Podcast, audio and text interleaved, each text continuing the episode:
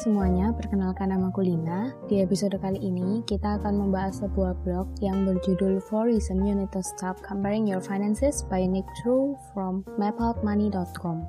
Di blog personal finance ini, itu penulis menerangkan tentang empat alasan kenapa kita harus stop untuk membanding-bandingkan keuangan kita dengan keuangan orang lain dan empat alasan ini bisa menjadi bahan untuk refleksi kita juga apakah kita ini uh, mulai melakukan toxic pada diri kita, terutama tentang keuangan kita. Jadi kita semua tuh punya kecenderungan untuk suka membanding-bandingkan diri kita dengan orang lain setiap harinya, terutama sesuatu yang berkaitan dengan kondisi keuangan kita. Ketika kita melihat teman kita, rekan kerja kita, atau bahkan keluarga kita yang terlihat seperti lebih baik daripada kita, terutama tentang keuangan kita tuh suka merasa hmm, kenapa ya kok kita itu gini-gini aja keuangannya? Kita cenderung lebih konsisten untuk membandingkan apa yang kita tidak miliki dibandingkan dengan apa yang kita sudah miliki dibandingkan dengan orang lain. Jadi memang membandingkan diri kita dengan melihat ke atas itu nggak akan pernah ada habisnya gitu namun, membanding-bandingkan ini bisa menjadi hal yang buruk jika hal ini nih justru bukan memotivasi kita untuk misalnya merancangkan keuangan kita, mencari cara supaya bisa dapat income tambahan, tapi akan menjadi buruk jika hal ini justru berdampak negatif pada kehidupan kita, kita merasa ini toksik, hubungan kita dengan orang lain juga semakin memburuk karena kita ini suka membanding-bandingkan dan we have to stop it right now. Jadi alasan pertama, kenapa sih kok kita itu nggak nggak boleh membandingkan diri kita dengan orang lain, terutama tentang keuangan.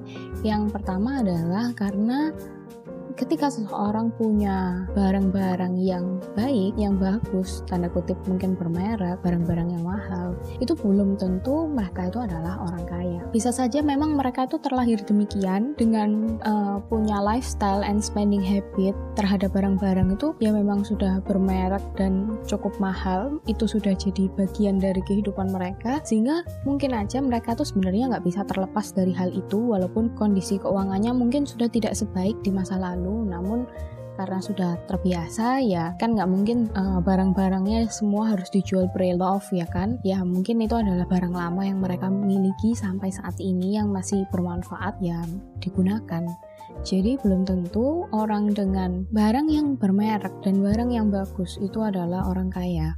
Um, misalnya nih juga ketika kita melihat ada teman kita yang barusan beli mobil baru. Mungkin ketika kita lihat wah gimana ya dia bisa beli mobil baru. Padahal kan gaji kita sama. Kok aku nggak bisa sih? Kok dia bisa?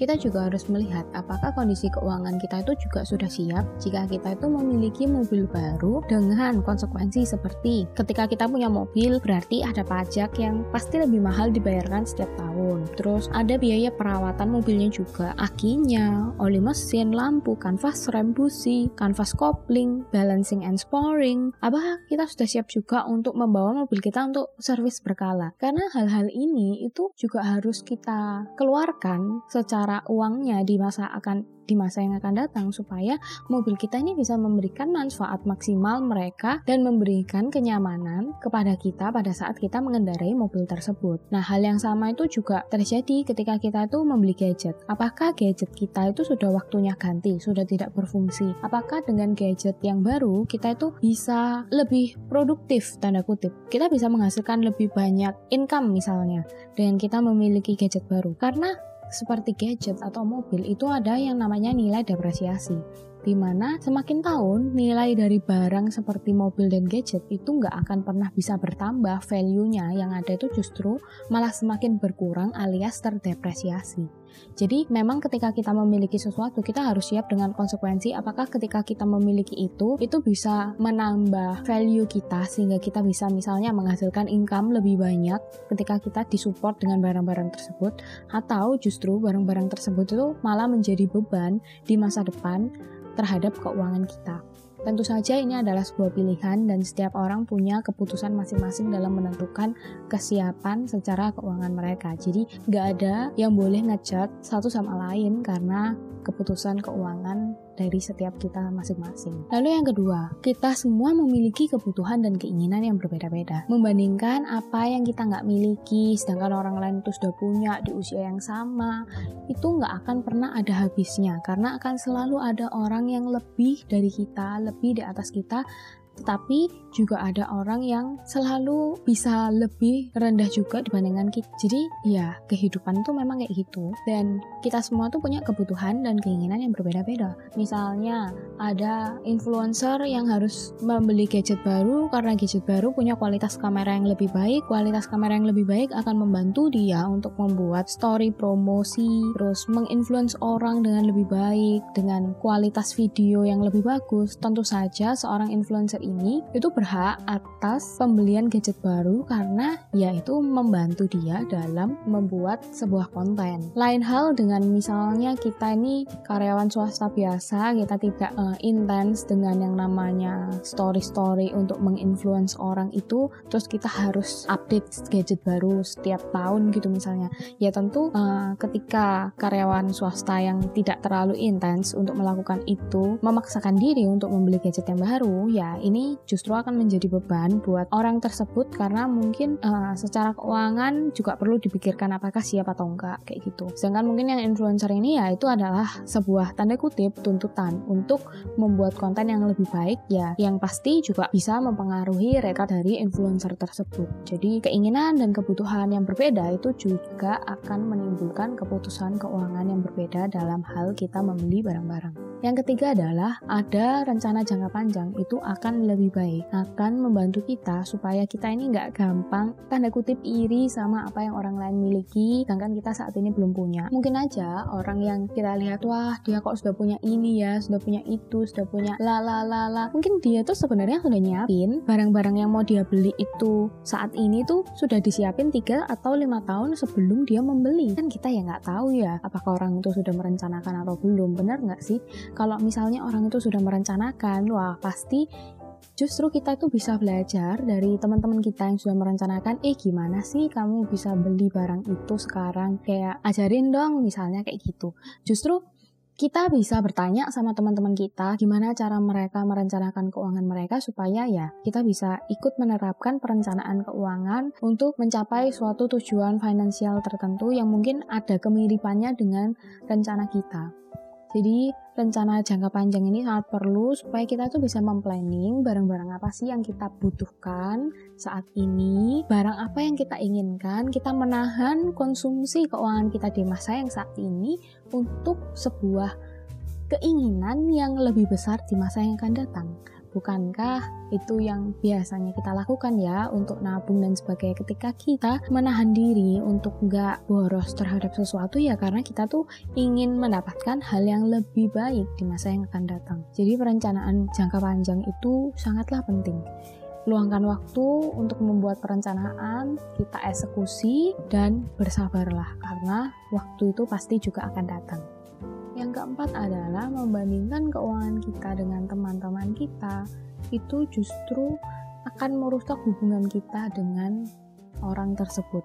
Karena ya tentu saja ketika kita muncul rasa iri hati, dengki, itu akan terpancar dan pasti orang tersebut itu akan merasakan hal-hal negatif yang terpancar dari diri kita ketika kita itu merasa iri hati, dengki, dan gak suka sama orang itu. Padahal kan sebenarnya kita bisa belajar dari orang itu. Eh, gimana sih ngerencanain keuangan? Belajar dong. Aku lihat kamu tuh berhasil. Aku lihat kamu tuh mampu membeli barang-barang yang aku ingin beli juga. Mungkin kita justru malah bisa belajar dari sana. Berapa uang yang mereka tabung untuk membeli barang itu, berapa lama durasi mereka menabung. Mungkin kita juga bisa belajar apa yang dia lakukan untuk mencapai uh, goals finansial yang punya kemiripan sama kita. Lalu kita juga bisa aja membandingkan diri kita dengan orang tua kita.